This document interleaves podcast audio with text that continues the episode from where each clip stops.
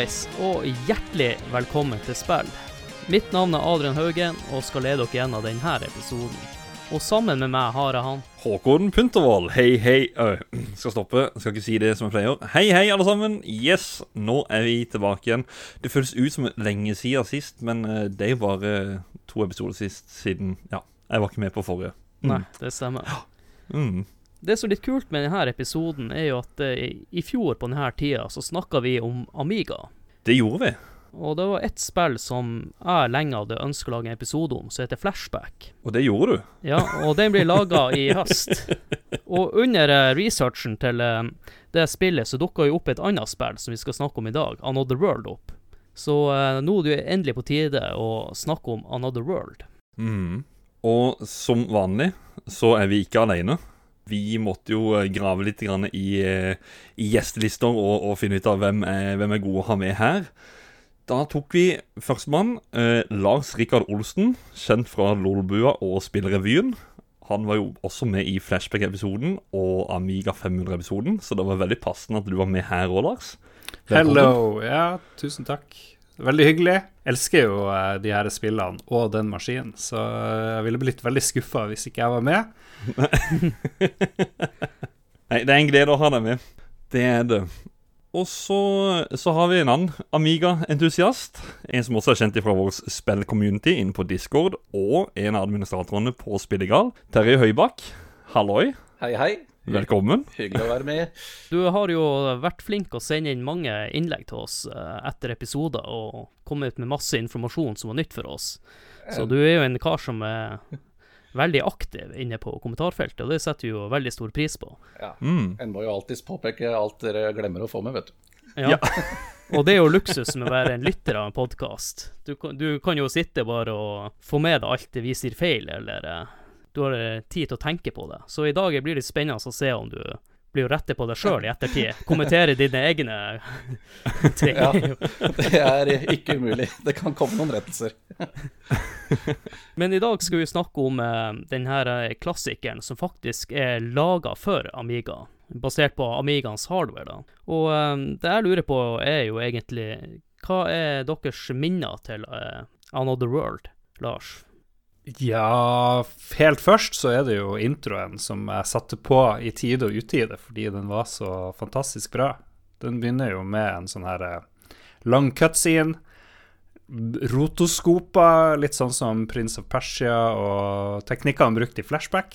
Mm. Og det, det syns jeg var kjempeartig. Jeg likte jo at spillene mine så ut som film av en eller annen grunn en periode. Så den introen der, som vi sikkert skal snakke mer om, den eh, det er liksom Det er det viktigste. Og så det hele med det her du, det, det er jo et veldig bra navn, da. Du havner jo en, i en another world hvor alt er annerledes og alt er farlig, og så har du en helt som heldigvis har veldig mye flaks. Kanskje litt sånn urealistisk mye flaks.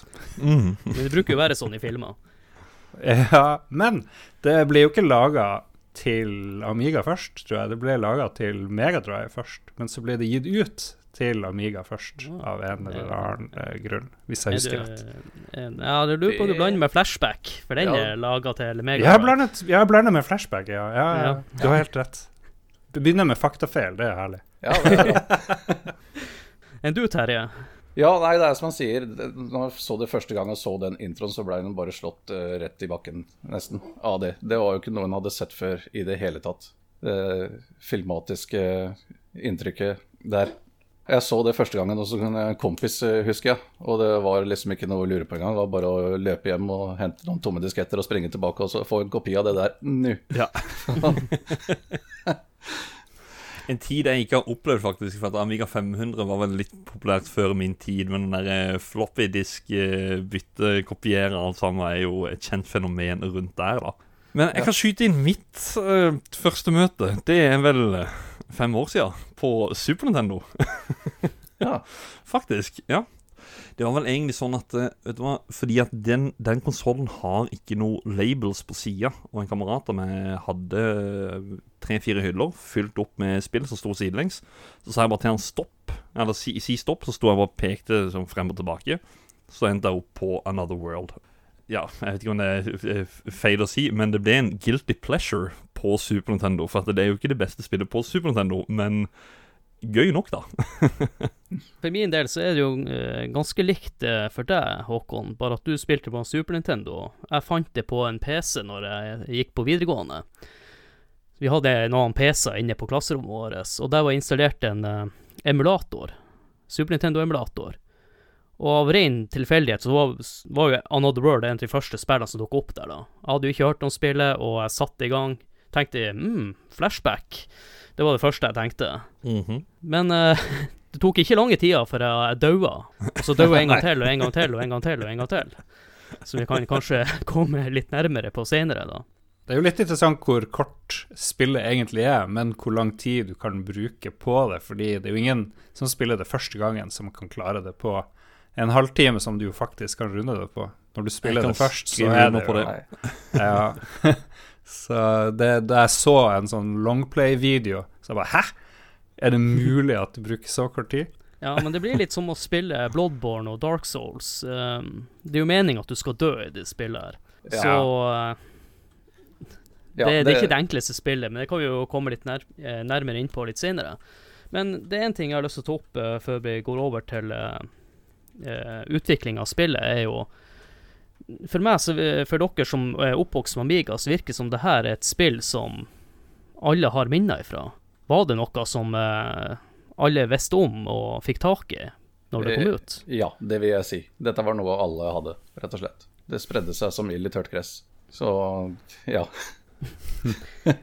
Jeg, jeg, jeg vet ikke, eh, rett og slett. Jeg kan ikke huske noe særlig fra jeg var liten. Nei, det- men du var jo det- født eh, når ja. spillet kom ut, så jeg forventer ingenting. Men jeg tenkte eh, Jeg sitter bare på sidelinja her, jeg. Ja, med de to gjestene som er litt eldre enn både meg og deg, Håkon, så var jeg bare litt nysgjerrig på det. For med en gang jeg snakker med noen som er litt eldre enn meg, så husker jeg det spillet her, mens jeg bare fant det på en emulator Mm. av ren tilfeldighet.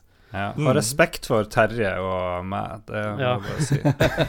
Nei, det, er- det er som Terje sier, det, det var Alle hadde det her. Eller alle kopierte det. Det var ingen som kjøpte Mm. det, for Nei. å si det sånn. Nei, det var, ikke, det var ikke lett å få tak i eh, det originalt heller, tror jeg. Det var, jeg tror ikke det var en veldig stor utgivelse, egentlig.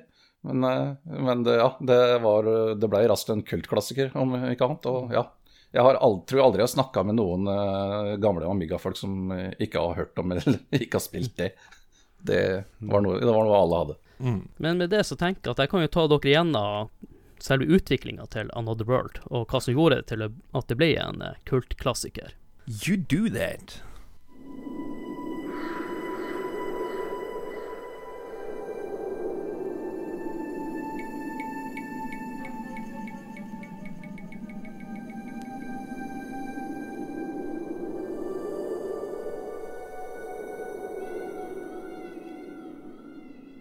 Skapelsen av spillet Another World handler stort sett om én mann, Erik Chahi.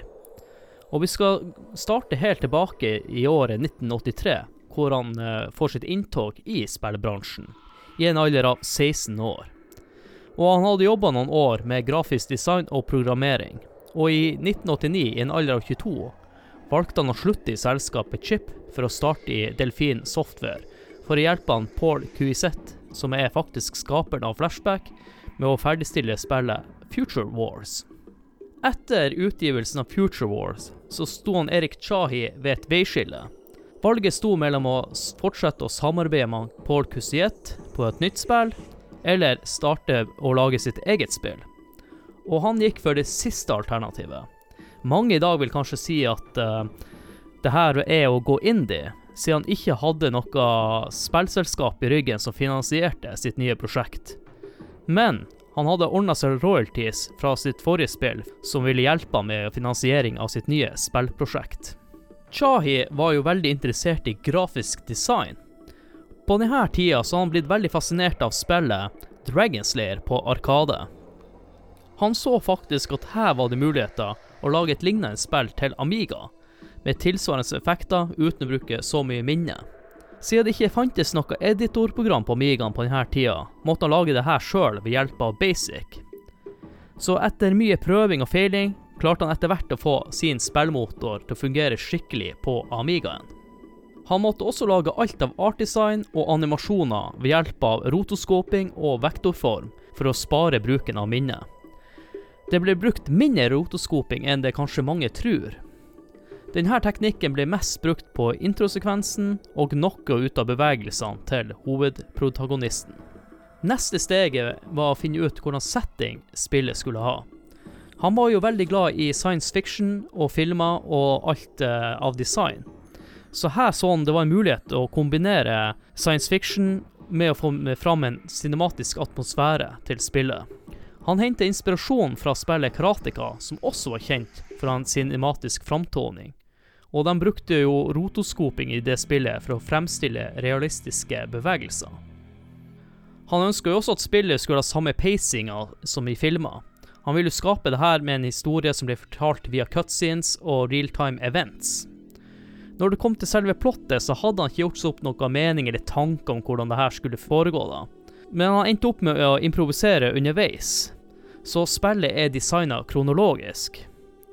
Eh, normalt sett på denne tida er det veldig mange spill, da, som Mario, der første barn blir designa sist fordi at uh, de har opparbeida seg mye erfaring og kunnskaper, og da vet de uh, hva spilleren har lyst til å bli introdusert først for.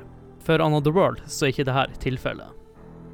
Etter et halvt år med utvikling hadde han endelig blitt ferdig med introsekvensen, og var klar til å sette i gang på selve spillet.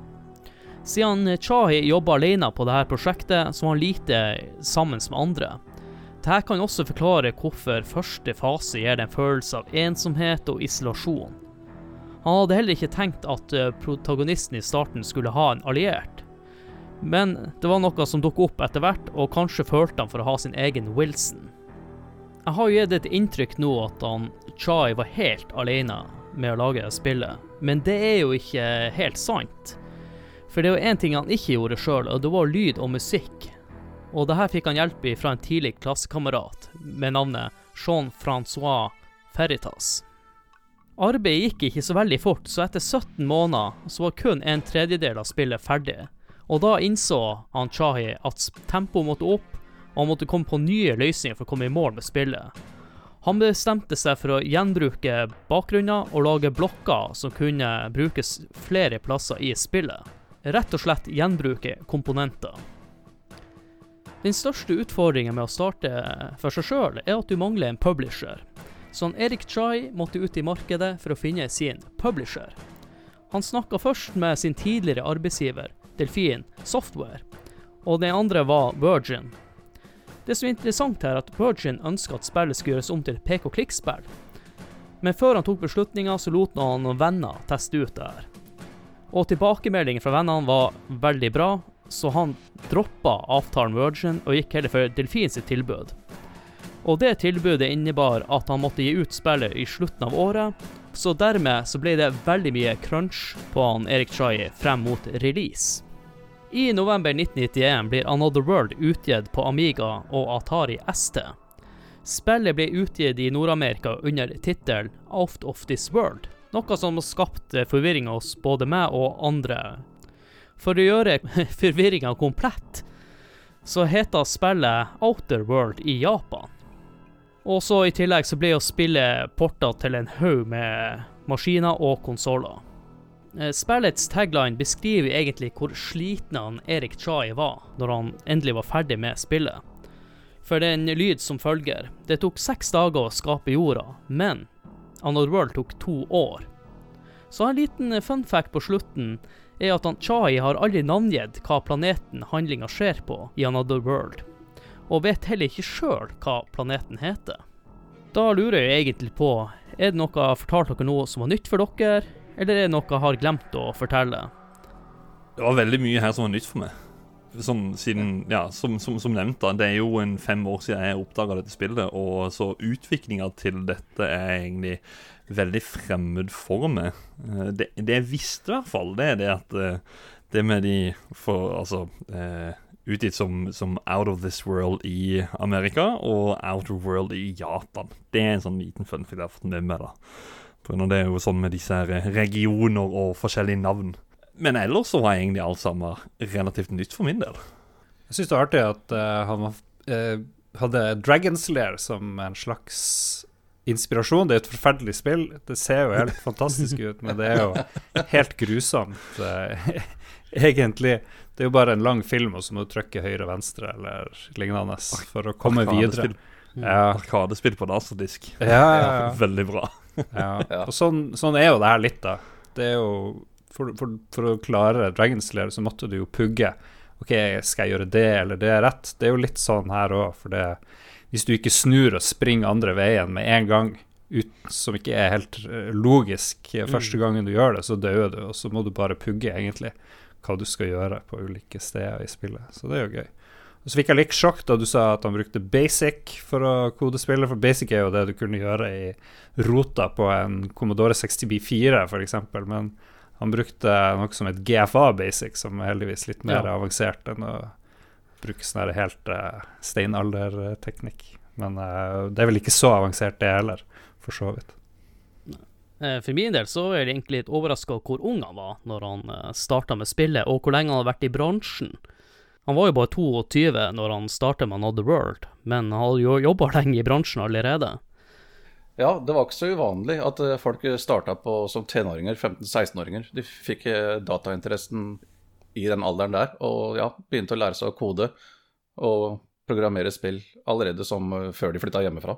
Så det, Og en annen ting jeg syns er veldig fascinerende med det spillet, er jo at uh, vi kan jo anse det som en slags indie-spill, da, siden ikke hadde noe selskap i ryggen, og han gjorde alt sjøl. Og så er det en av de mm, fineste grafiske spillene på den tida.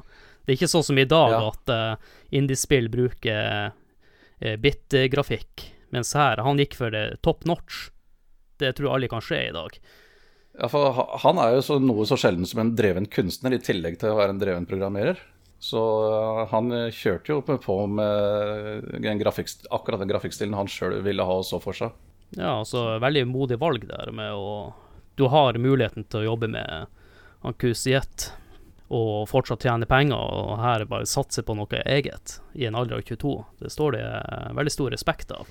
Ja, Mm. Det er bare å lage et spill alene på Det var jo sikkert greit å gjøre det, så vidt greit å gjøre det på sånn 8-bit og så videre, men når det blir veldig avansert, når det er spill av en sånn her størrelse, selv om det ikke er så langt, så er det jo Det er ganske crazy å skulle gjøre alt alene.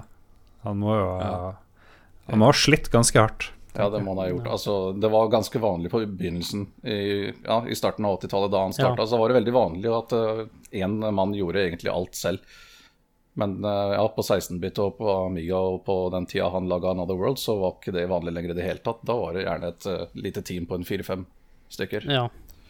Mm. Men det gjør jo kanskje òg noe med at spillet får en slags helhetlig følelse, eller at det bidro til det.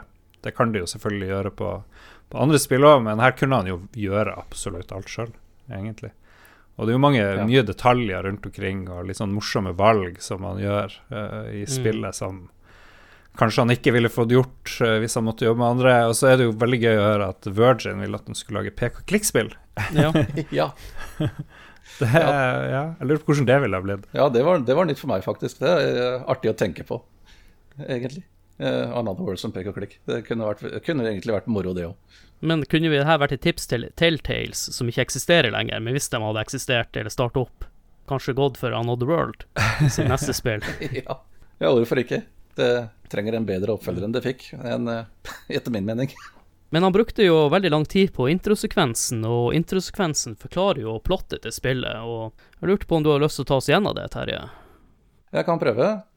Det starter jo med at eh, han, eh, hovedpersonen er en professor som eh, kommer kjørende til laboratoriet sitt. Og vi følger han på veien inn og en heis langt ned, langt under bakken, ser det ut til. Før han går videre inn i laboratoriet sitt og starter et eksperiment som ser ut til å være en partikkelakselerator. Og mens han sitter der og kjører dette eksperimentet, så starter det opp noe uvær på utsida. Og dessverre så slår eh, lynet ned i feil øyeblikk og trenger seg inn i denne partikkelakseleratoren. Og konsekvensen blir rimelig Eller ser fatal ut med en gang, for hele laboratoriet hans blir jo blåst i filler. Men eh, ja, han ble transportert til Another World, en annen verden, rett og slett. Ut utrolig dårlig sikkerhet på det der laboratoriet. Ja, det, det får en si. For det første skal han lyne, som sikkert slår ned ganske ofte rundt omkring i verden, det kan ødelegge ting, men han sitter én meter unna verdens største sånn magnetgreie, eller hva det nå er, sånn rett ved siden av de her enorme maskinene som skal sende partikler i sånn nært ly lysets hastighet, eller hva de gjør, Ja, og kollidere. Så det, jeg skjønner ikke helt eh, opplegget der, da. Og så er det styrt av en sånn her AI, virker det som, fordi den sier 'hallo, dude, ser du har kjørt hit i Ferrarien'. Ja. Eh, Så det, det er jo litt morsomt. Men han trenger samtidig å slå inn den koden, selv om eh, datamaskinen klarer å se hvem som er der. Da. Så det, ja, det er litt av et sikkerhetssystem. Han taster koden, som du sier. Han blir skanna av lasere. Og så er det den småpratinga som en antagelig kan tolke til at det, det er en sånn voice identification-sak eh, på gang der også, muligens. Ja, altså- ik- ikke, at vi hører, ikke at vi hører at han prater, men vi kan kanskje forestille oss at han gjør det. ja, så ser vi noe sånn DNA-greier også der. Ja, det også. Men det er jo mange kule detaljer her. Det er jo Jeg vet ikke om det har noe å si, men koden er jo 4511932. Sier meg ingenting. Nei, jeg hadde litt lyst til å prøve å finne ut av det, men ja. Hadde vært mye kulere med 815-493-00. De som tok den. Men han har jo også en liten Ja, han har også en uh, liten detalj med den colaboksen der. Han tar jo sånn en slurk med cola også. Ja, han starter eksperimentet, og det er en sånn 20 sekunders nedtelling som starter men, mens han sitter og venter, så bare rett og slett popper han en brus. Ja, og det er ikke for ingenting jeg drikker en cola under innspillinga der, fordi at um, Oi, oi, oi. Ja, Altså, jeg har sett en dokumentar, og han har fortsatt enda den colaboksen, og den ser helt likedan ut. Så syns det er litt artig med den åpninga de har på den colaboksen i tillegg. Ja. Den ser ikke ut sånn som, vi, eh, sånn som vi har det. Men hva tenkte du, Terje, da du så introen første gang, eller hadde du noen reaksjon da? Jeg hadde egentlig bare hakeslepp, og at jeg satt og så eh, dette film filmatiske greiene her på, på Amiga. Jeg hadde ikke sett noe lignende før i det hele tatt. Jeg er helt enig. Ja, jeg har egentlig ikke så mange, mye mer kommentar enn det. Jeg, jeg satt ikke og gjorde meg opp noe særlig med meninger om hva, om hva dette betydde, eller noen ting. Jeg bare visste at det, det her skal jeg ha. Ja. Jeg er nødt til å si at jeg misunner dere for å ha opplevd det der. Fordi når jeg prøvde dette her på Super Nintendo, så var det sånn hm, Ja, kul grafikk. Uh, sett, jeg har sett bedre på, på Super Nintendo. Og så Jeg, jeg syns den, den der wow-opplevelsen over grafikk på da eh, Amiga spesielt, da Jeg føler ikke at jeg, jeg hører like mye sånn hysteri og glede rundt det, sånn som uh, det var med Amiga-tida. At altså, Amigaen var wow. Det var over the top. Det var helt rått. Det var helt fantastisk. Uh, ting er imponerende nå også, men jeg føler på at responsen på det var mye større før, da. Og det misunner jeg dere faktisk for å ha opplevd. Altså, når ting ble gjort riktig på Amiga, så ble det gjort veldig riktig. Og Another World ble gjort veldig riktig. Men uh, Mm. det var dessverre en god del ting som kom inn på Amiga som ikke ble gjort uh, riktig i det hele tatt, heller, må det sies. Så jeg, kan ikke, jeg kan ikke sitte her og så si at Amiga var helt der oppe bestandig, dessverre. Det var jo, det var jo sånn da man så hva det heter for noe, Defender of the Crown for første gang. Det var jo det første Amiga-spillet for veldig mange. Ja. Fra Cinemaware, eller hva det var. Det, det satte litt sånn standarden for at du forventa nesten å bli blåst av bakken, og, og gleda deg til å se hva, hva klarer man å finne på.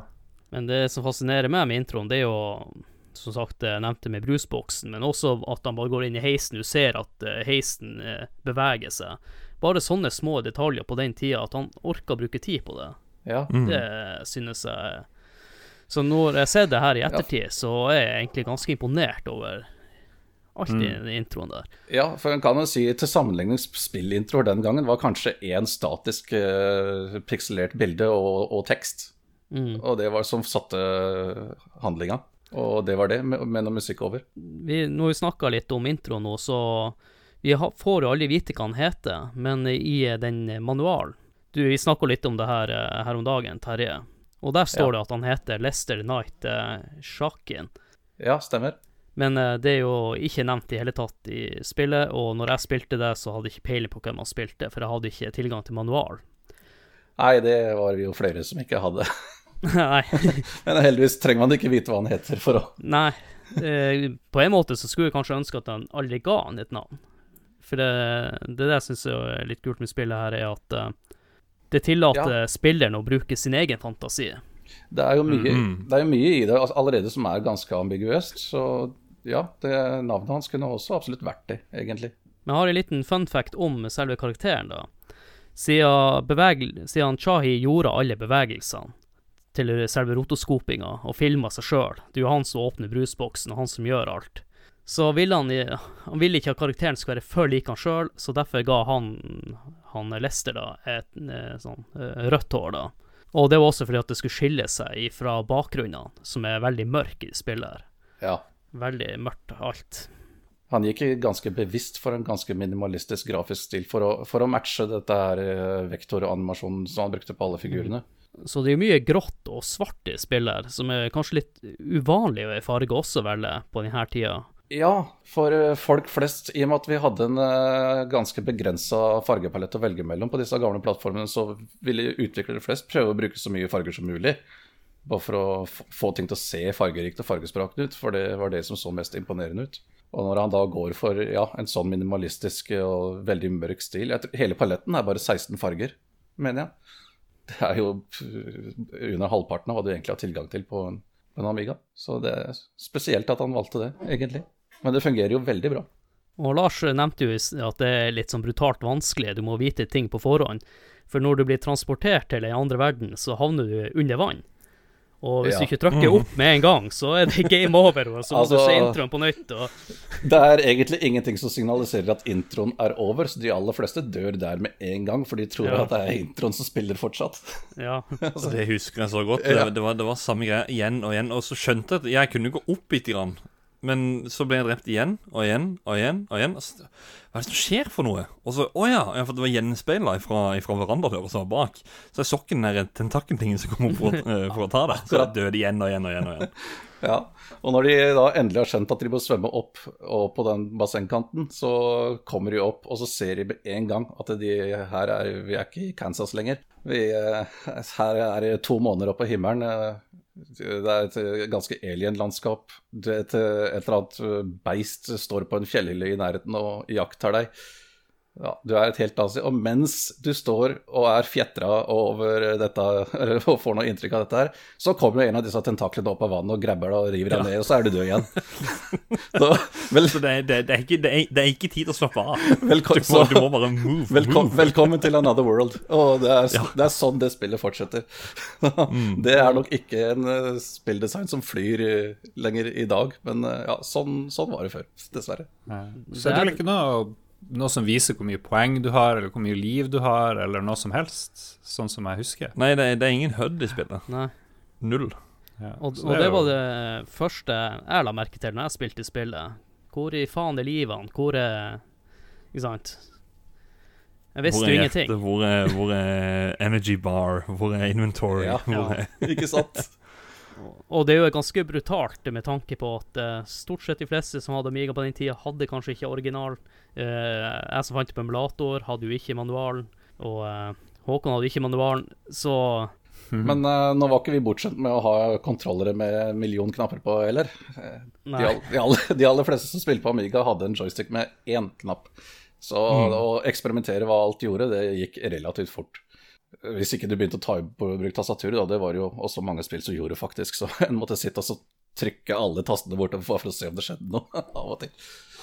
det er vel da standard opp var hopp, da, antar jeg, og så Ja, det stemmer. Ja. Mm. ja. Eh, Jeg vet at det er noen spill som gjerne har en eh, spesiell kombinasjon, at du kanskje må holde inne den ene knappen, og så trykke opp for å hoppe, eller eh, Ja. Veldig mange klager over det, at det var standardkontrollen på mange Amiga-spill å, å bevege spaken fram, altså opp for å hoppe. Og ikke, at, ikke, og ikke at den er mappa på en egen knapp, som de ellers er vant til. Men uh, Med en god zipstick så, så løser alt seg. Ja, den det- gode med gule knapper. det, den, den kontrollen er egentlig ikke noe problem. Vi satt og spilte sånn i årevis, uh, vi som var der den gangen. Så dette, om man ikke er vant til det, så man venner seg fort til det. Ja. Men det var en annen ting jeg også ville ta fram. eh, Vi snakket om i stad, det er jo ingen HUD der. Men en annen ting som jeg også la merke til, at det skjer mye mer i bakgrunnen og i forgrunnen i det spillet her enn i mange andre spill. Ja, ting beveger seg og, Ja. og Ja. flagrer og blafrer og Ja. Jo. Han har brukt uh, mye tid også på detaljene som skjer i bakgrunnen og i forgrunnen, som heller ikke har vært borti i så mange andre spill, da. Det er jo kanskje mer vanlig i nye spill, men på den tida så tror jeg ikke det var noen andre spill som brukte bakgrunnen så aktivt. Også til, på å vise og fortelle historier. Ja. Det var et ganske brutalt spill, i hvert fall på Amiga, for det Ja. fra framesen dropper ganske heftig oh, ja. eh, nå og da. Ja, ja, og så går det ganske sakte, og det er liksom ikke noe kjemperask respons. Ja, for nå spiller jeg den der 20th Anniversary Edition som er på, eh, på PS4-release. og den Altså, det er ikke et sekund engang ifra du har dødd, og så trykker du, så, så er du tilbake igjen. Ja. Det, det, det tar ikke et sekund loading engang. Det, det er så raskt å loade og alt sammen. Men jeg husker Super Nintendo-versjonen var treg, så jeg tenker jo Amiga 500, den må være tregere igjen, tror jeg. Ja. Så det Ja. Den uh, lasta jo inn flere skjermer eh, av gangen, så du slapp, også, Mm. du slapp å vente på lasting på hver eneste skjerm, som uh, i an- flere andre spill du måtte. Men, eh, men der har du det igjen, at han brukte den polygonale grafikken og eh, relativt, enkle og minimalistiske bakgrunnsbilder som ikke tok så veldig mye plass i minnet, så han hadde anledning til det. Du kunne laste inn mye mer på en gang. Ja. Så, så du slapp det der. Men el- eller, ellers så stemmer det det at det var i scener der det er veldig høy aktivitet og mye polygoner og sånt, og så begynner Amigaen å svette litt. Det er sant. Men det er bare noen få steder i spillet. Stort sett så flyter det ganske bra, syns jeg. Så er det mange av dere som har eh, samme erfaringer med meg med spillet, at det første som skjer, er at du blir drept av en slange. Ja. Eh, det er ikke så spesielt i seg sjøl, men jeg vil jo også bare få frem at eh, han lagde jo mange cutscenes også på måten du dør på, Ja. og brukt tid på det. Ja, så det var, jo, det var jo interessant å finne nye måter å dø på, rett og slett. Ja, Nesten så du har lyst til å dø med vilje, bare for å se Ja. hva som skjer. Litt som i Mortal Kombat. Av og til så lot du maskinen vinne, for du bare lyst til å se hvordan finishen man brukte på det. Ikke sant? Stemmer. Men det, det har litt med den eksperimenteringa å, å gjøre igjen. For ja, det første du gjør når du kommer opp og begynner å lære deg kontrollen, er å trykke på knappen. Altså, da, du, ikke, du har jo ikke pistolen ennå, som du finner litt seinere. Og da er jo det at han sparker litt foran seg, som er standardangrepet. Og når da du møter disse her uh, steile slangegreiene på, på neste skjerm, så vet du umiddelbart hva du skal gjøre, egentlig. Ja, for De er så små at jeg tenkte det, de kunne jeg bare trampe rett over. Nei da. Du kommer bort til de, så kommer du inn i cutsiden, hvor en bitte lille larva lener seg opp frem med en bitte liten spike ut av munnen, som en hoggtann. Treffer deg på noe som ser ut til å være leggen, kutter kanskje en liten centimeter, ikke det engang, Ja. og så dør du. Ja. Det er sånn her, Ja, men det var jo bare et lite kutt. Det var, det var liksom sånn Ja, OK. Ja. Ja. Det var et lite stikk med en nål. Det litt- men det var nok. Det er litt artig, det angrepet hans, for det er ikke noe sånn machotramping. slangene. Han setter seg ned på huk, og så sveiper han foten liksom forsiktig bort uh, mot dem, og så klarer han å splette dem. Ja, for Ja, men det var jo også en animasjon der man står ned og du kan sparke på skrånet. Det ser jo enda mer pinglete ut enn Ja, ja. den. Men det matcher, jo det matcher jo karakteren, for han er jo bare en professor, en geek. ikke sant? Ja. Så det er ikke noe macho-type, dette her i det hele tatt. Men han ser ut som en kar som er redd for edderkopper. Vik fra meg! Det er sånn, det er sånn med foten. Vik fra meg! Men eh, når, når vi er inne på combaten og sånn, så må jo trekke fram eh, måten han har lagt opp spillet på. For det, det spillet går ut på å løse puzzles, Ja. Stort sett. Og um, i de kampene du er, så er jo egentlig de puzzles i seg sjøl. ja, For når du får det det. pistolen, så må du jo tenke taktisk. Mm. Ja, det er ikke alltid at det bare er å drepe alt på skjermen som er eh, riktig løsning. Selv om noen ganger er det det, selvfølgelig. Men eh, ja, noen ganger må du gjøre litt annet også. For Noen ganger så gjemmer vaktene seg bak en vegg eller et veldig solid skjold som du ikke får skutt deg gjennom, og kaster granater etter deg. Så liksom, OK, hvordan løser jeg det her? Ja. Og, og når du sier det skjoldet opprinnelig, så hadde jo han Chai, Chahi tenkt at karakteren skulle bruke bakgrunn som eh, cover. Ja. Men siden han ikke fikk det her til å fungere ordentlig, så oppretta han den laseren, eller den eh, det force-filet, da, Ja, som også er gjenbrukt i flashback. ja stemmer. Ja, det, de bare kopierer rått fra Another World i flashback. Jeg trodde Ja. jo det var oppfølgeren lenge før jeg skjønte at han her Chai var jo ikke involvert i det i det hele tatt, så vidt jeg vet. Ja, Han det var- Han var opptatt med å lage Megadrive-versjon. Ja, stemmer. Ja, riktig. Ja, Men eh, du, du kan jo også etter hvert så får du jo muligheten til å lade opp og åpne. Du får sånn svær blå laser. Ja, det er kult. det er, det er så, de er så lekre, de her laser- og skjoldeffektene. Mm. Og, sånn, og den lyden når du skyter ting, og når ting lager sånn crunch Det er en sånn crunch-lyd når du treffer ting med den der store Ja. laseren. Det er, det er absolutt eh, en ordentlig god punchy lyd i det, det spillet her. Det liker jeg veldig godt. Ja, Jeg har en liten Og- fun fact på den store blå laseren. Den, eh, det, inspirasjonen til den er faktisk Dragon Ball. Ja, det, jeg. vis- det visste jeg faktisk. Oi. Så, Faktisk. ja, ja, ja. Det, det blir en helt annen digresjon, kanskje. Men eh, Frankrike har alltid vært ganske store på animasjon, tegneserier og sånne ting. Så at, at Dragon Ball-serien kanskje gikk på TV i Frankrike på 80-tallet, det er ikke umulig i det hele tatt. Selv om anime sånn ellers ikke var så veldig populært i Europa enda på den tida. Så Han er altså da en super sane.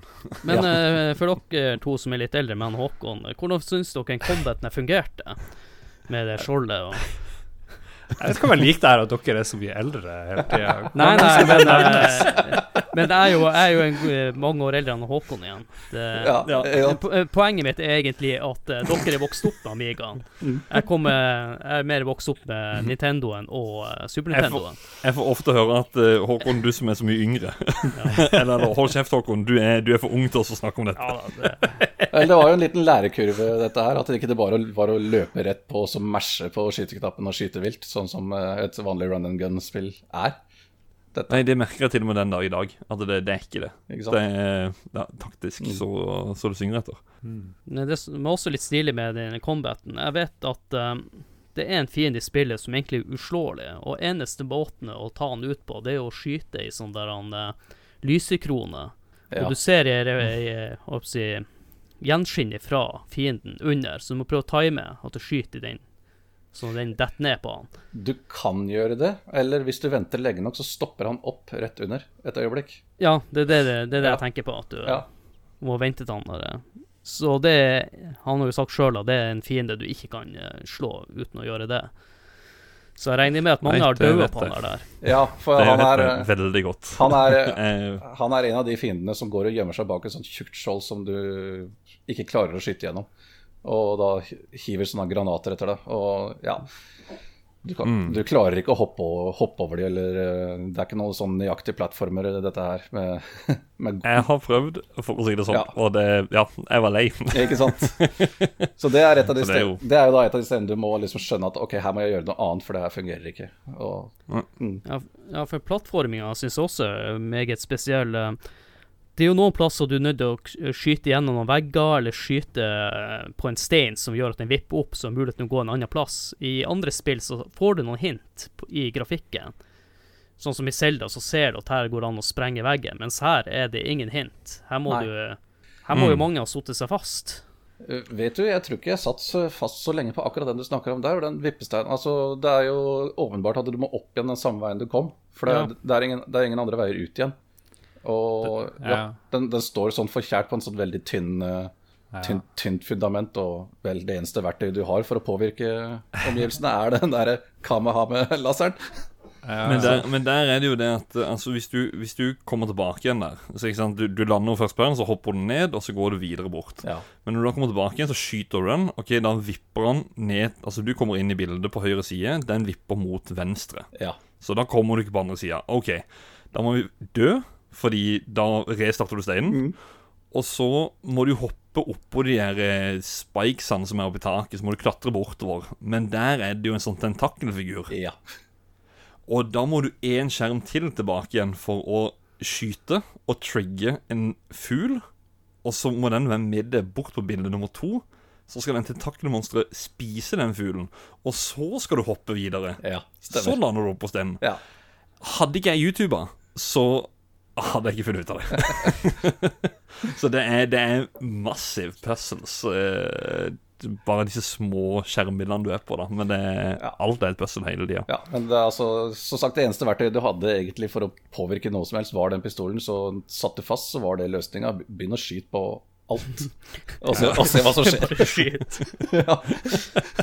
Vi har glemt å nevne han kompisen du får Ja. etter Ja, hvert stemmer. i, i spillet. Og han har jo en sånn viktig funksjon. Du blir jo tatt til fange ganske kort tid i, i spillet, og så blir du satt i et bur. Og så kan du vippe det frem og tilbake. Og i det buret så står du med en fyr som ligner på alle de andre alienene, egentlig. Mm. Uh, humanoide alienene, i hvert fall, i spillet. Og dere eh, Du vipper på det der eh, buret og sånn frem og tilbake, og så detter ned fra taket, og så lander det på en, en sånn vakt, tror jeg. Og så sier han et eller annet til deg, han her eh, fyren. Ja. sånn, Ja. Et eller annet. Og så er de bestevenner, egentlig, eh, resten av spillet. Fire, det- Fireforged jeg. buddies, så det heter. Det, det jeg liker, med den her eh, Altså, når du våkner til, så det fader veldig inn. Det er jo sånn eh, ufokusert bilde. Altså, så smiler han så bredt til det, Ja, han, Ja. han er figuren der. ikke sant? Han har sånn et lurt smil bare 'Hei, nå våkna du. Ja vel, kompis.' Uh, ja vel. Hallo. Ja, men han, han, han, eh, han Lester, da, helt i starten, før han blir tatt i fengsel, han smiler jo også og vinker, men han blir jo skutt rett ned. Ja, Så det er litt eh, rart at han tør å stole på han kompisen som har sittet inne i bur i lag med. Han, Ja, faktisk. han, han tror jo han møter venner med en gang der, sånn for Ja. uh, ja I starten det vi, vi hoppa over det, men han blir jo jaga av et så stort, stort beist som han må løpe fra. Og uh, ja, plutselig sånn ut av ingensteds så dukker det opp to stykker som bare skyter det beistet for han. Og da, da tror han jo Hei, her har jeg møtt noen kompiser. Og fram med handa og smiler og god dag. Og Ja. Mm. pang, blir han skutt han også. Men, men, men, Og da- men han. Og da tror man jo selvfølgelig at å faen, nå gjorde jeg noe gærent igjen. Restart på checkpoint igjen. Men ja, OK, nei, spill, spillet gikk videre for en gangs skyld. Nei, men eh, spillet det går jo egentlig ut på at du skal prøve å rømme fra det her fengselet i lag med kompisen din. Ja, altså, det, han, den vil bare komme seg ut av en, eh, den dårlige situasjonen han er i. Ja. Han, han har vel ikke noe større mål enn det, egentlig. Eh, Jeg hadde ikke hatt eh, det i hans sted, i hvert fall akkurat der og da. Komme meg ut av dette først, og finne ut hvordan jeg kommer meg hjem etterpå. Men hvordan synes dere dynamikken med de her to karakterene fungerer, da? Ja, altså, det er ganske artig. For stadig vekk så kommer han Buddy, som han blir- kalt av folk. Han eh, hjelper deg videre når du sitter fast eh, visse steder, men du må gjøre det samme med han. Og, og det er du helt avhengig av å gjøre, for hvis ikke du gjør det med han, så er ikke han til stede og hjelper deg der du trenger det seinere. Er sånn en veldig grei sånn sidekick. Det eneste som er problemet, er at du, du må vente så sykt lenge på den i heisen. Hvis du løper bort til heisen Hei da, han skal gå. Ja, han, Han skal gå. Han skal gå. Han har- Og det er ikke sånn at han har all verdens tid. Ja, og så er det sånn at Hvis du tar heisen ned og går inn i et nytt rom, og går ut igjen, så tenker du kanskje er det sånn at han blir bare flytta ned. da Sånn du fiks på Ok, nå er han der nede pga. du hadde gått inn der. Nei da, han står der oppe ennå og venter på å komme inn i heisen. Ja. Og Det tar lang tid. kjør opp på henten igjen, da. Vær så god. Ja, ja, ja. Men uh, det er heldigvis ikke noe escort mission-spill, dette her. Det er eh, kun veldig få ganger dere faktisk er sammen i spillet. Dere er stort sett adskilt og bare ser glimt av hverandre. Og, og når du er sammen med han, så føler du faktisk at han gjør litt nytte for deg. Han hjelper deg å komme ned i luke, og så på slutten så kommer han med hjelpende hånd når du er i en fastklemt situasjon, holdt på å si. Ja, stemmer. Mm. Ja, det er litt sånn romantisk, egentlig, nesten. Litt sånn eh, vart og, eh, og skjørt. Et, et vakkert forhold mellom ulike raser ute i verdensrommet. Så flyr man av gårde, spoiler alert, inn i solnedgangen nærmest. eh, for sikkert et bryllup eller et eller annet. Ja. Det er min tolking, da. Ja. ja. De forelsker kan de seg. ta, ta deg inn i sånn her eh, en eh, chiptune-versjon av bromance. ja.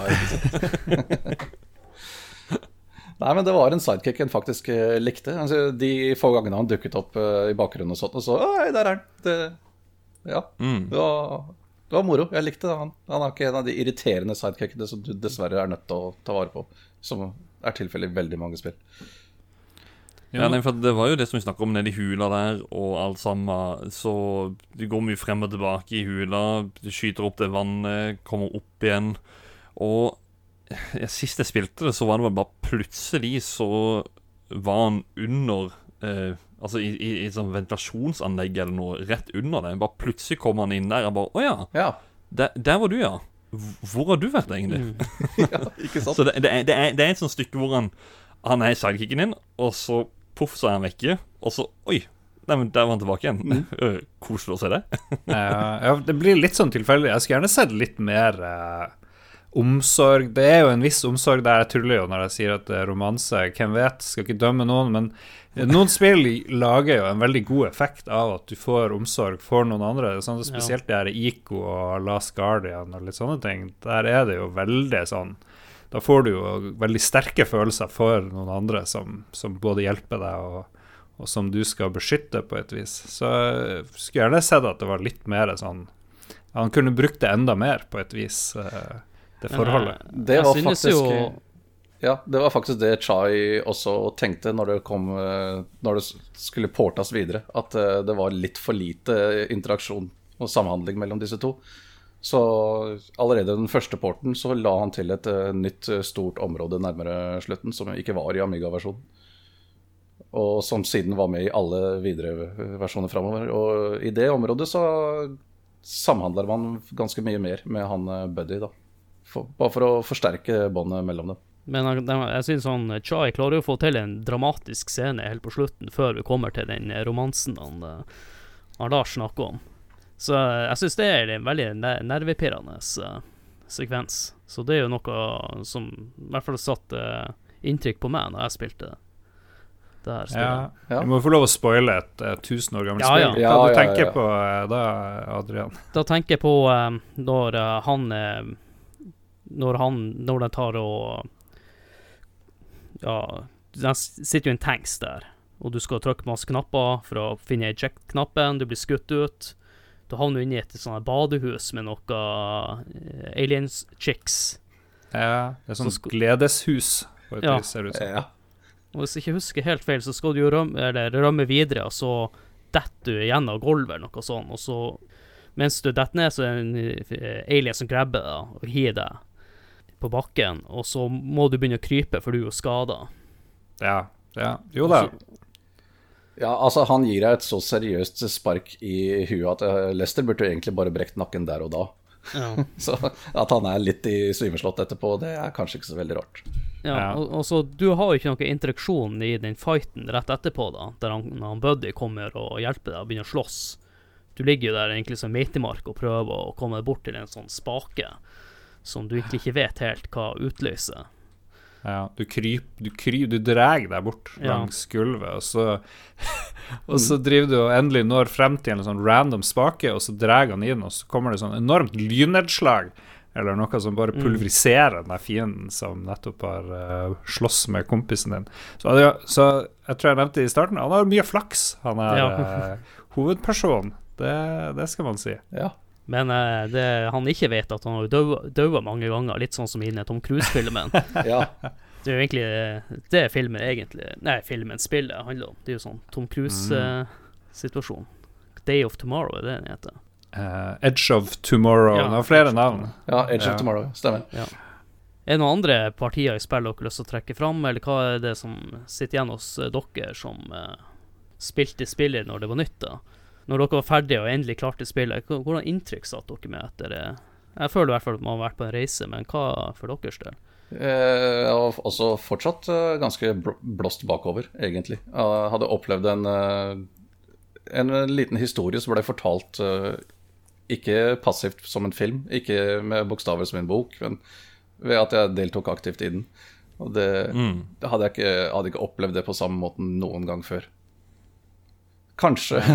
En hadde litt av den samme følelsen da den første gangen en så og spilte nettopp eh, Dragon's Lear, som vi snakka om. For da Den måten å spille spill på var, var den jo også helt ukjent med den gangen.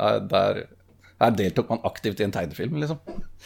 Så, så, greit nok. Jeg kan godt eh, se inspirasjonen til, til Chai der allerede. Jeg tenker at variasjonen i spillet er det På noen måter er det mye likt, men så er det helt nye omgivelser og nye ting som skjer. Og det er ikke et spill som er dratt langt ut bare for å vare lenge, og det syns jeg er kult. Noen ja. spill varer jo altfor, altfor lenge, ja. men her, ja. her, det, her, hopper det av gårde med nye puzzles og nye ting og nye cutscenes og sånt. Så det er ikke så mye gjenbruk. Du, han hadde vel sagt sjøl at han måtte bruke bakgrunner og og litt sånn elementer på nytt og sånt, men det var ikke inntrykket jeg hadde. Jeg syns eh, design og, og, og, ulike seksjoner er ganske unike eh, hele veien. Ja. ja. det spillet her er ikke lenger enn det trenger å være, egentlig. Så selv om folk kanskje skulle ønske at det var litt lenger, så behøver det ikke være det. Nei, og så er det jo, som du var inne på, Terje, at eh, det er litt opp til spilleren sjøl å tolke historien. Jeg liker også at slutten på spillet er også rom for tolkning. Hva er det som skjer med Lester og han Buddy? Eh, Ja. Ja. Bromance. Det, ja. Ja, de havner jo oppå et tårn, og så hiver de seg på en sånn her drage, ser det ut som. og Så Ja. bare flyr de av gårde til ukjent sted. Men jeg tenker litt senere skal jeg fortelle hva som skjer, for da, da tenkte vi skulle snakke litt om oppfølgeren. Men en Ja. annen ting som vi er nødt til å snakke om, det er jo Det er ikke så mye musikk i spillet, men uh, jeg syns i hvert fall den musikken som han uh, Jean-Francois Feritas uh, har eh, bidratt med, er ganske bra. Ja, dette matcher stemninga i spillet. I hvert fall i introen og alt eh, av, og de få atmosfæriske bakgrunnsgreiene som kommer innimellom underveis, matcher uh, stemninga i spillet helt perfekt, syns jeg. Alt eh, bortsett fra selve slutten, når du har runda spillet. Det, den, eh, den eh, sangen som kommer da, syns jeg ikke matcher stemninga i spillet i det hele tatt. Da kommer en ganske lys og lystig trudelutt. Altså, ja, som kan for så vidt passe i og med at ja, ok, de greide å rømme, de kom seg vekk. Men eh, som du er inne på, så er dette en veldig ambiguøs slutt. Vi, vi vet egentlig ikke om Lester klarer seg Nei. eller ikke. Det, er, det kan godt hende han døde. Vi vet ikke. Og da, og da, selv om den sangen som kommer, selv om den i og for seg er en god nok sang eh, på, på egne ben, så den, den matcher ikke stemninga en sitter med akkurat der og da. Men uh, jeg tenker det, For min del så synes jeg det er bra at det ikke er for mye musikk i spillet også. Det gjør litt med stemninga at det er litt stille, at du er bare lyder. Ja, det forsterker ensomhetsfølelsen underveis. Jeg tror han ble fløyet med bort til, til stammen til han her eh, Buddy-kisen, og så blir det en sånn enorm motstandskamp som uh, oppstår der. Hvor han, han er jo en forsker. Han har jo lagd en sånn vanvittig maskin og systemer, og så kan han sikkert eh, finne opp litt teknologi og lage litt eh, eh, Bare utmanøvrere det der despotene som har tatt eh, stammen til han Buddy til fange og gjort dem om til slaver og sånn. Mm. Så ja. Det, jeg ser en lys fremtid, eh, og legenden om The Ginger eh, Alien som Ja. fortelles om tusen 1000 år etterpå. Nei, det er jo bra du forteller det, for det er jo det som skjer i uh, oppfølgeren. Akkurat Det var jeg som lagde oppfølgeren. Ja, som heter Heart of Aliens, som kom ut i 1994. Er det noen av dere som test, testa den oppfølgeren her? Uh, ja, jeg har spilt eh, Av nysgjerrighet så spilte jeg det så vidt en time halvannen uh, for ikke så veldig lenge siden, faktisk. Og eh, jeg fikk personlig ikke noe særlig godt inntrykk av, av det i det hele tatt. Og det overraska meg, for jeg har fått med meg at det, har- det har fått ganske gode anmeldelser både den gangen og i ettertid, egentlig. Og mange syns at det er en ganske verdig oppfølger til Another World, men Eh, eh, det anmeldelsene også er enige med meg om, er at kontrollen i Heart of the Alien er elendig. Rett og slett. Det er, det er nesten uspillbart. eh, ja. For eh, du skal fortsatt eh, navigere deg rundt på samme måte som Lester. Du skal hoppe over ting, du skal løpe og dukke unna og alt sånt. Og kontrollen bare er ikke responsiv nok til at dette fungerer noe særlig bra. Men har vi nevnt at du spiller jo han Buddy i det her spillet? Ja, det stemmer også. At uh, du overtar jo, så spiller han kompisen isteden, ja. Hvilken maskin har kommet det ut på? Fordi jeg har aldri spilt om det, jeg har aldri hørt om oppfølgeren heller, så jeg har jo gjort veldig dårlig research. Det kom, egentlig. det kom kun på Sega CD, og, ba, og bare der. Og Megadrive. Ja, og Megadrive. God. ja Mega-CD. stemmer. Jeg vet hva, eh, jeg skal si faktisk i forkant av denne episoden her at eh, det fantes en oppfølger. Og det, det var ikke jeg klar over før eh, ja, f- f- tre, fire, fem dager siden, tror jeg. Nei, samme her. jeg. Faktisk, jeg har aldri vært klar over at det var en oppfølger. Så uh, Chai sjøl, han, han liker heller ikke den oppfølgeren. og Han tenker ikke på den som canon i det hele tatt. Han, eh, det, er, det har litt med hvilken retning storyen i det spillet går. Var han involvert i det hele tatt i oppfølgeren? han eh, skisserte et eh, utkast av hvordan, hva han ville gjøre med en oppfølger, som viste seg å være lignende, men noe ganske annet. For ja, hvis han skulle gjøre en oppfølger, så ville han også at du skulle overta spillekarakteren Buddy, Men han ville at det skulle gå gjennom samme handlinga som eh, Another World om igjen, bare fra Buddy sin synsvinkel Ja. denne gangen. Ak akkurat det du ønsker, Lars. Ja. Det er litt kult. Ja, men istedenfor så overtar du og kontrollerer Buddy, ja, men du, du fortsetter historien der Another World slapp. Og ja. ikke på en god måte. Den grafiske stilen eh, denne gangen Det blir ikke brukt polygoner denne gangen, det blir det er vanlige 2D-sprites og, og sånt noe, men de prøver å etterligne den minimalistiske stilen Ja. uten å helt få det til, for de legger til litt mer unødvendige detaljer i figurer og animasjoner og sånt, noe som Ja, de, de, de, det matcher ikke, rett og slett. Ja, så hadde jo vært eh, Det hadde jo skjedd mye på de tre årene der, på grafikkfronten. Ja. Så det føltes jo kanskje litt utdatert for mange. En stor shout-out til den grafiske stilen i Another World. Jeg liker fargene og eh, Ja, det, det er noe der eh, som, som var helt annerledes enn det vi hadde sett før, tror jeg. Og jeg tror de var òg ganske inspirert i, i flashback også av mange elementer av designet, selv om det er en annen type spill. Men du har mye av de der eh, litt sånn enkle farger, litt sånn overraskende fargebruk og litt sånn neonblått på et vis går igjen litt av og Mm. til. Eh, som, som er veldig mye i nesten et helt brett i flashback er jo sånn neonblått, nesten. Det der gameshow-delen der. Mm. Ja. mye ut av det. ja. Men eh, eh, Terje, har du også tatt fram noen uh, ut av de portene til Another World, og de forskjellene som er der i kontra Amiga-versjonen? Ja, det er, det er egentlig ikke så mange forskjeller i det hele tatt. For uh, som vi var så vidt inne på, så Shahi lagde jo egentlig sin helt egen spillplattform da han lagde det spillet her. Så en, en, en egen spillmotor da, som han uh, brukte. Og alt av assets og grafikk og sånne ting uh, brukte han om igjen på hver eneste port uh, framover. Det var kun spillmotoren han behøvde å porte, og så bare virka resten. Han trengte nesten ikke gjøre noe mer. Så det fine med det er jo at Another World spiller så godt som helt likt på alle plattformene det har kommet ut på. Helt opp til den nyeste, mest moderne 20th Century Edition er vel den siste. Kjører fortsatt egentlig på samme originale kode som Amiga og Atari ST-versjonen ble utvikla. Ja. Jeg kommer til å tenke på den eh, Super Nintendo-versjonen som han Håkon har spilt. Ja, det, der, eh, der har vi da en av forskjellene, da, for Nintendo er Nintendo og krevde litt sensur. For det var jo selvfølgelig noen flek flekker av blod her og der i dette spillet, og det måtte vekk. Og så har vi da selvfølgelig Ja, selvfølgelig. Ja. Herre mann. ja, men det artigste er den sekvensen der de som vi snakket om i sted, hvor de nettopp har skytet seg ut av denne tanksen og krasjlander i dette badet der det sitter noen badenymfer på bassengkanten.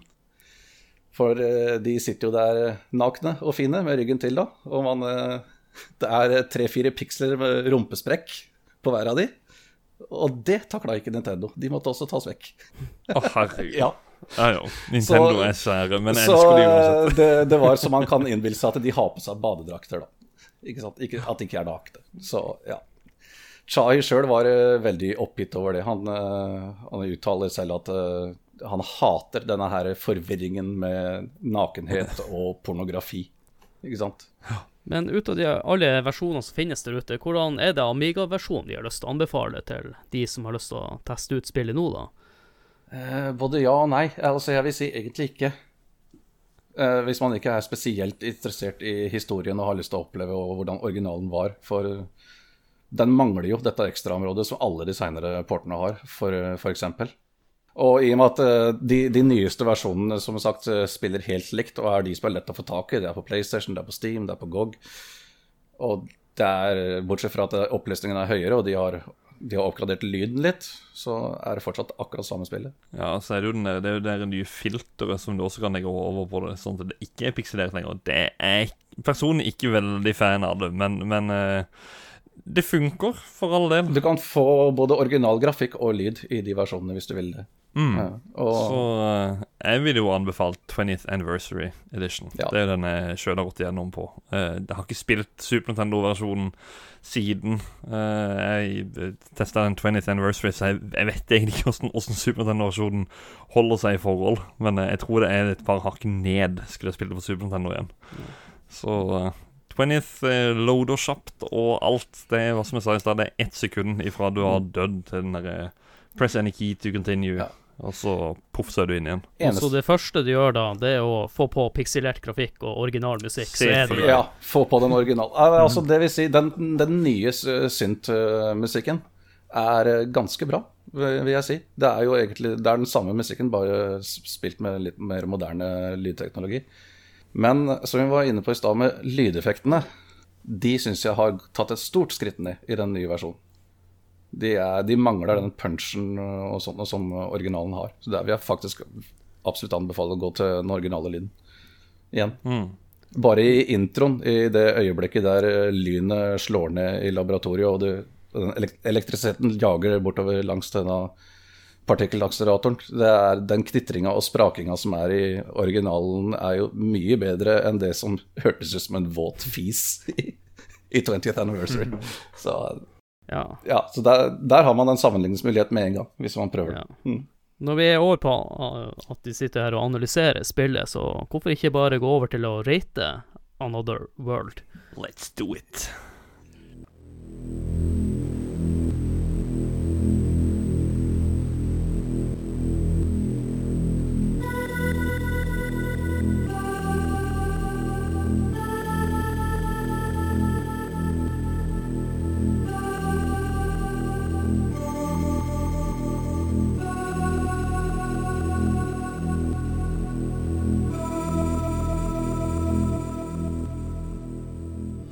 Som jeg sa innledningsvis, så skal vi rate nå Another World. Og som vanlig så har vi sett i Nintendo-magasinet og brukt deres eh, karakterskala. Og vi bedømmer eh, spillene etter de her eh, fem punktene, som er grafikk, lyd, spillkontroll, underholdning og holdbarhet. Og skalaen vi bruker, går fra én til ti. Og det som er så gøy, er jo at dette her havner inn på en liste som vi på slutten av året kategoriserer etter total poengsum. Så ser vi hvor høyt eller lavt de diverse spill kommer, da. Så spent på hvor høyt på lista dette her havner i dag. Ja. Og vi kan jo begynne med han som har vært med før og rata spill. Eh, Lars, hva du har lyst til å gi Another World i grafikk? Grafikk? Nei, det er jo en strålende grafikk. Men nå må jeg bare spørre, er det Skal vi rate det fra sin samtid, eller skal vi tenke på hvordan det er nå? For det, da er jo veldig mange Du kan ta sliter. eh, begge delene. Begge deler, ja, ja. Nei, jeg syns det er helt strålende. Ikke bare hvis vi, hvis vi involverer design i grafikk, så, så animasjoner, ikke sant. Mm. Den der eh, rotoskopinga som er en fantastisk teknikk som ble brukt på mye rart på, på Amiga også, så syns jeg det er helt fantastisk. Jeg, jeg, juryen i Harstad gir sterk Ja, hva vi skal gi? 8,4. Høres det bra ut? Ja da. Det, det vil jeg si her. Yes. Juryen i Harstad har talt. Bank i bordet. Jeg skulle ønske jeg kunne snakke fransk, for jeg får litt sånn Grand Prix-stemning her. Jeg kan bare du point, men det, det er ikke det du ga nå. Eh, Terje, tar du på fransk, eller tar du på norsk? Eh, Jeg tar det helst på norsk. Så ja, jeg, jeg elsker stilen på det, det spillet her. Den er, jeg syns den er tidløs. Jeg syns den fungerer helt fint eh, den dag i dag. Fordi eh, den er designa ikke ut ifra begrensningene til plattformen har. Den er designa som han ville det skulle se ut, rett og slett. Så jeg gir en ganske god ni av ti. For den får ikke helt perfekt, for det er, det er visse feil og mangler her og der som en kan sette fingeren på. Ja, jeg skulle bare si innledningsvis at vi i spill vi bruker å være litt gamle når vi gir eh, karakterene. Vi er ikke så strenge. Så da kan vi hoppe over til eh, lyd, Lars. Lyd Ja, hvis vi tar originallyden, som jo den jeg har mest kjennskap til Jeg spilte jo den der 20th anniversary-greia på PlayStation eller noe sånt, tror jeg. Syns det var greit, men originallyden med crunchen og med, med susinga og litt uh, 8 kilohertz Jeg vet ikke hva slags uh, lyd eh, det var der, men det var jo ikke sånn all verden uh, lydkvalitet på Amigaen, egentlig. Men jeg syns det er helt strålende. Så det lille som er Og jeg er litt enig med deg, Adrian, at det, det trenger ikke være masse lyd hele tida. Men det som er her, det er jo helt, eh, helt flott. Så Jeg, er fremdeles på 8. Vi, vi gir 8,5 eh, akkurat nå. Slo på stortromma her. Ja. Opp 0,1. En eh, du, Terje? Ja, jeg også går på en åtter. Fordi, som jeg snakka om, så syns jeg ikke sangen på slutten passer inn. Eh, Det setter en bråbrems for et ellers ganske perfekt lydbilde. Men eh, ellers så Ja, det originale Amiga-lyden er fortsatt den beste, altså. Det- Ut ifra de versjonene jeg har kikka på, i hvert fall. Og i et av intervjuene Chai har gitt, så sier han det selv også. At det, av alle portene så mener han fortsatt at Amiga-versjonen høres fortsatt best ut. Og nå kommer det interessante da med Amiga. Det er spillkontroll. Det her er jo litt clunky spill, så ja En smule. Det blir kanskje ikke topp Det blir kanskje ikke så høy uh, score her, men det er jo ikke ille, liksom. Men jeg vil jo si at f.eks. Flashback gjorde det mye bedre, eh, måten de gjorde kontrollene der, hvor du f.eks. kan bare holde inne eh, fire-knappen og ta mot den veien du vil fære, og så slippe fire-knappen, og så hoppe han f.eks. opp et nivå. Det gjorde det litt smoothere, du kan rulle, og det virker litt mer sånn Litt tightere. Så Ja psh, psh. Nei, jeg vet da farsken. Eh, en- Skal vi gi en sekser her? Er det veldig strengt, eh, Terje? Ja, jeg syns du er litt streng der. Ja. Men eh, jeg, jeg er litt enig. Jeg, jeg kommer til å legge meg på en syver. For um, det er ikke noe problem med responsiviteten til kontrollen. Altså, Lester gjør det du vil han skal gjøre, i det du gjør det. Det er ikke noe, det er ikke noe lag, det er ikke noe feiltolkning på, av det, du- det du gjør med kontrollen. Eller sånt noe. Og det er også ganske bevisst, egentlig, at Lester oppfører seg litt klønete. For han eh, Det er han. Fordi han har rødt hår. Ja, ikke sant. Men samtidig, så, som, en, som en spiller, så er det litt frustrerende at uh, det er, du, du har ikke så god kontroll med hopping og sånne ting. Det, ja, ja. eh, så derfor må vi, derfor må vi trekke noen poeng, syns jeg. Det er morsomt Men- du sier det, for jeg så jo at han eh, Chai spilte spillet sjøl. Ja. Og det var et parti der eh, han daua veldig mye. ja. Det, det var, han ble nesten litt flau, for han, for han døde fem ganger på rad med seg foran en stor forsamling der. Det er fint. Han bare, å, at bare faen skal dø i hjel. Jeg syns litt synd på han, så jeg hadde lyst til å hente fram puta når jeg så akkurat den Sånn. sekvensen. Begynner å svette på tredje nett og bare It's many years ago I made this game. Yes, yes, yes. Det hadde vel ikke noe med den hulesekvensen og noen fallende steiner og tentakler å gjøre? ah, fytti grisen. Ja, det, det var noe med det eh, anemone-greiene i bakken. Ja, stemmer. Det er den desidert vanskeligste delen av spillet. Rett og slett, fordi der, der må du være litt nøyaktig, og det, ja, Lester er ikke så nøyaktig, dessverre. Ja. Men eh, ja, så der, for, for der går det rett og slett på rein platforming. Og det, hvor spillet ellers eh, ikke går så mye på reflekser. Det handler om puzzles mer. Men akkurat den biten er den folk eh, sliter mye med, altså. Så ja, det er sant. Og når vi er inne på å slite, og på å slite oss ut, så har vi underholdning.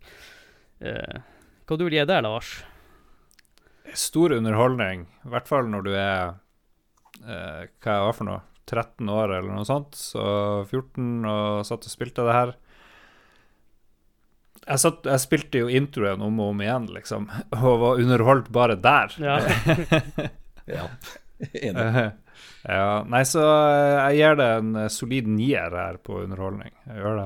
Eh, Jeg vil bare mm, skyte inn her at spillet er jo veldig underholdende, men eh, replay-valuen er jo Mm, ja da. Men replay-valuen var jo egentlig at det var veldig vanskelig å komme seg gjennom det på et vis. Du brukte jo mye tid på det, så, så kunne du jo Så kunne du spille det igjen litt seinere. Jeg har jo spilt Ja. gjennom det flere ganger, så ja, ja. Men, men hadde dere allerede da noen interne konkurranser med kompisene og prøve å klare spill med minst mulig defs og Nei, ikke egentlig. Nei. Det kom så mye spill, ikke sant, eh, fra folk, så du hadde hele Ja. absurde mengder å Ja, det var det. Men uh, jeg spilte Another World ofte, igjen og igjen og igjen. Og det, det blir litt som at du har en favorittfilm eller sånt som du gjerne ser mange ganger, sjøl om du vet nøyaktig hva som kommer til å skje. For eh, Another World var så bra, rett og slett. Den stemninga og feelingen det var å, å spille igjen det, det var rett og slett uovertruffent. Så på spillbarhet, eller underholdning, var det det vi var på? Ja. Ja, underholdningsverdi, så går jeg rett på en ti av ti. ja. Ja. Kommer det sånn jubellydeffekt når det gis ti? Eller et eller annet? Det har vi aldri tenkt på, men det er jo en god idé, så kanskje han Håkon uh, hiver det inn i Ja, se der. Det er så klipp episoden. Ja. Da, da, da, fikser vi, da fikser vi det, sier Adrian. Ja, er så når andre klipper. Fiks Ja, for som du var inne You fix! For som, som du var inne på, så er, er spillet unikt hele veien igjennom. Det er eh, veldig lite gjentagelser. Det er omtrent ikke. Så jeg syns det er interessant å spille igjen på nytt, ja, sjøl om du vet nøyaktig, nøyaktig hvordan eh, det går. Kanskje en rar plass å hive det inn her, men eh, Håkon eh, Jeg hadde egentlig ikke lyst til å annonsere, men eh, du hadde jo lyst til å egentlig annonsere det at vi har fått oss en eh, ny take på introen vår. Introlåta. Ja. Ja, ja, ja. Så nå gjorde jeg noe jeg lovte meg sjøl at jeg ikke skulle gjøre. Nevne at vi har fått oss en ny intro. Hva er galt med det? Må du skryte? Det er jo Vi har fått ny, vi har fått ny intronåt. Nei, nei, nei, nei, vi snakker ikke om det fem timer etterpå. Nå snakker vi om det. Ja. Er det, er det Hans Zimmer som har lagd uh, introsangen? John Williams. John Williams. Ja, Ja. Mm. close. Yes, det eh, kosta litt, Ja. men uh, pytt pytt. Vi har brukt opp feriepenger før vi fikk den. Yes. Men uh, vi har ett punkt igjen, og det er holdbarhet, uh, Lars. Ja. Hvordan det har eldra seg, eller Ja, hvordan det har seg, holdt tålt hvordan er det å spille det i dag? tann. Ja. Mm, ja, det er jo ikke Det er jo litt sånn Det har noen rough edges, eh, det vil jeg si. Litt sånn i den der eh, skytinga og det skjoldet, kanskje. Kunne sikkert vært litt smoothere og sånt, men Nei, det, det, jeg syns det er bra. Synes det er bra.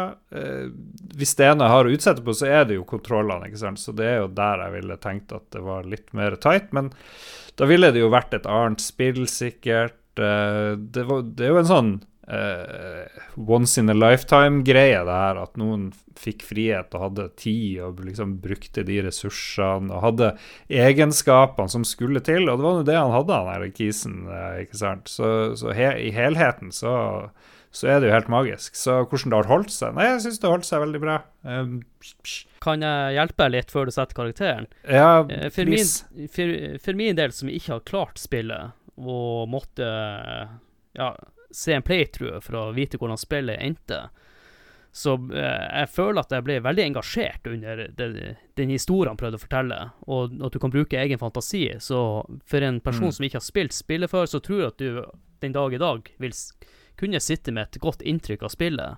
Og det hjelper jo også Ja. på at eh, indie-gamere i dag bruker kanskje i noen spill samme type grafikk som det er. Det er jo et norsk spill som jeg, jeg lurer på om det var det han Jon Cato, din kompanjong i Lolbua, hadde lagd. Et mobilspill, noe sånt. Eh, Ja, det var noe, ja, og at det hadde noe lignende grafikk, da. Ja. Så jeg, jeg føler ikke at grafikken heller er så utdatert. Så for Nei, nei, nei. en som er litt nysgjerrig på det her, så vil jeg anbefale å spille igjen av spillet. Mm. Nei, jeg liker at du prøver å presse karakteren min opp her. Det virker sånn. Det. Jo, Nei, men jeg er sier bare det jeg, jeg sitter igjen med etter eh, Jeg syns det er en av de spillene jeg syns har vært artigst å gjøre research til, for at jeg hadde ikke noe forhold Mm. til det her, og det har positivt overraska meg. Ja, nei, men da, da har du overbevist meg. Det er åpenbart stor holdbarhet eh, og historisk viktighet.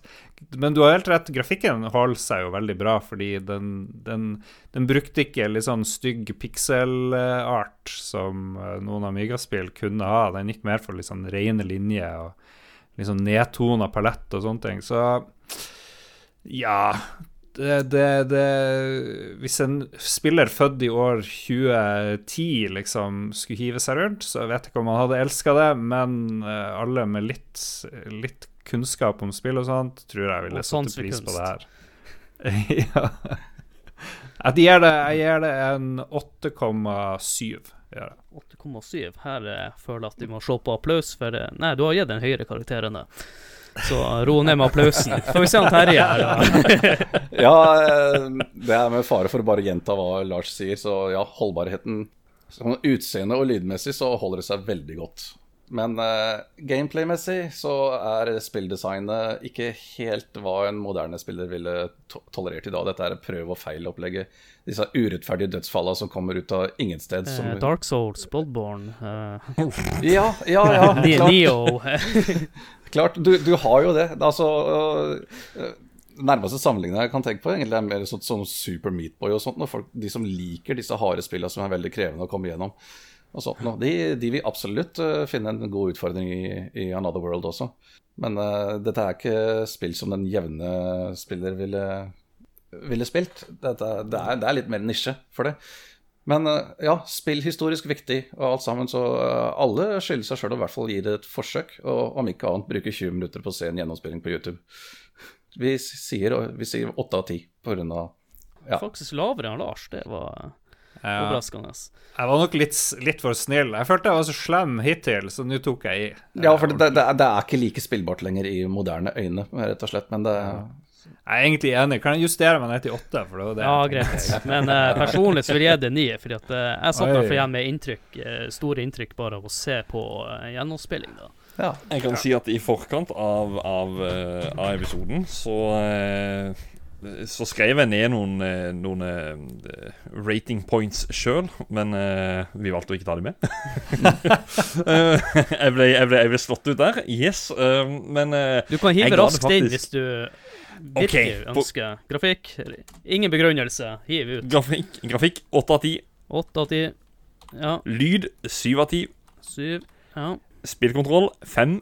OK, du bare ødelegger jo hele karakteren Nei. i spillet. Ja. Underholdning Underholdning 8. ja, se, du er jo lavere enn alle her. Jeg tar det bort etterpå. Og holdbarhet 8. Ja. Nei, du ødelegger jo hele skåren. Nei da. Nei, nei, nei. Vi, vi tar ikke, vi, vi- vi tar ikke nei, vi, Faktisk, vi tar ikke med mine poeng, men uh... Nei, jeg legger inn en gammel mann veto her. Det er for, for Ja. det er kun de gamle som får lov til dette. Nei da. Nei, vi tar ikke med min score. Vi gjør ikke det. Men uh... Jeg er enig i mye av det som har blitt sagt. Jeg er det. Når du først er i gang, Håkon, her, så kan du jo pitche raskt podkasten vår. Vi har jo en eh, Ja, Til den det som er jo like gøy s- hver bruker altfor lang tid på det, så ta det kjapt. Ja. Eh, gjerne lik spill på Facebook, eh, den Facebook-sida som vi har. Gjerne bli medlem på Facebook eh, Community, som er på Facebook. Det er også en eh, gruppe. Så har vi et Discord-community. Link til det finner du i episodebeskrivelsen. Skal vi gi en liten shout-out til Spellcon Live, som skal skje 25. Ja, for at episoden skjer jo, eh, skjer jo eh, Nei, kommer jo ut en god stund før det. Så 25. til 27. Uh, helga nå om da, tre uker etter episoden har kommet ut. Da er det Spellecon live. Eh, rett og slett en helg hvor vi ifra åtte Er det ikke det betegner om Ja. åtte på kvelden? Ja, og utover hver dag, fredag, lørdag, søndag, har diverse spill som vi skal spille. Alt fra CS16 til Trackmania. Eh, Mario Kart, you you name it. Quiz Bare mulig masse. på discorden. Ja. Kahoot-quiz, mye moro. Ja. Og for deg som Vi- hører en gang i framtida, så gikk du kanskje glipp av noe hvis du ikke var med på det her. Så Ja. Men da vet du om at det kan kanskje skje igjen, da. Vi, eh, vi får se. Vi får se. Jeg tror det blir veldig koselig. Ja. Det er jeg ganske sikker For det er en fantastisk gjeng som er der inne. Ellers så er det bare følg oss på Spotify, eh, Apple Podcast, hvor enn du hører på. Ja, det er vel egentlig det. Jeg tror ikke det er mer å si. Og så må jeg jo si tusen takk til gjestene. Jeg vil jo først begynne med Lars, som du også kan eh, høre på i Spillrevyen, som kommer ut på mandager. Eh, vi er jo ikke en podkast som snakker mye om spillnyheter, men her får du de rykeste, ferskeste nyhetene. Hvis du hører på Spillrevyen på mandager. Kommer ut på morgenkvisten en gang.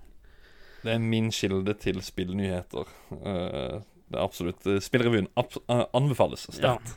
Også på onsdagen så kommer Lolbua. Da snakker dere også om om mer dagsaktuelle spill og litt sånn forskjellige ting. Og noen gode tips og Ja, da rakner det ofte. Da blir det mye tull. Det gjør det. Ja, men det er Ja. gøy. Det er Men gøy. hvis dere tror det er bare tull på onsdager, så er det enda mer tull på fredager. For da, dere har jo en annen podkast som du av og til er med i, som heter Ragequit. Ja, Som setter er fredagsstemninga. Ja, det, hvis du vil ha Edgelord-con i øret ditt eh, hver fredag, så er det der du går. Litt sånn infantil eh, og ofte over streken-humor, men ofte veldig god stemning. Det er vel podkasten med, med best topp fem stemning i hele Norge, tror jeg. Det Ja, det her. tør jeg si. Det er en helt spesiell stemning der inne. Det er kjempegøy. Ja. Og så vil jeg si takk til han Terje, spillegal.no. Dere lever ennå. Ja, så det er godt liv i communityet. Eh, Selve forumet har dessverre ikke særlig trafikk lenger. Men eh, vi har en Discord-server som er veldig aktiv og er noe helt for seg selv. Så, men den må gjerne eh, prøve å ta en titt innom der hvis den føler for det. det Vi kan slenge med en link til den discorden i, i episoden på, inn på Spennel Community og inn på discorden vår. Og så Ja. kan folk ta joine via der. Folk, kan jo Bare ta, folk kan jo ta og se om det er noe for de. Administrator Terje. Ja. Ja, jeg må si takk for at du ga meg den eh, forfremmelsen. eh, Men, eh, Bare hyggelig. vi, bare hyggelig. men vi, vi må ta og rett, skal være rett. Jeg er ikke administrator på Spillegal. Det er det, Det har jeg alltid trodd. Så ja. jeg, Mm. ja, jeg beklager at jeg har gitt deg det inntrykket av en eller annen grunn. Det var ikke meninga. Det gjør ingenting. Men eh, takk for at du fikk være med. Det var veldig hyggelig og moro. Yes, Absolutt. Eh, må bare bare si som jeg vanligvis bruker å si før vi skal uh, runde av det her, så vil jeg si tusen takk til deg, Lars, for at du var med enda en gang. Takk, takk.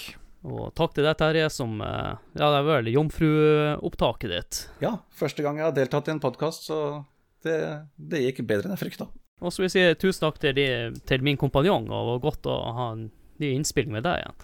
Ja, takk, Adrian. Det, selv om vi prater på daglig basis, så er det Det er alltid gøy å spille inn podkast. Det er det. Ja. Og med det så, vil jeg, så gjenstår det bare for meg å si ha det. Jeg elsker at du alltid skal si det gjenstår bare å si ha det. Ja, vi, jeg må finne catches. Dere må få bare si ha det, dere òg, så får vi klippe det inn. Vi snakkes. Ha det. Morna. ha det. Ha det.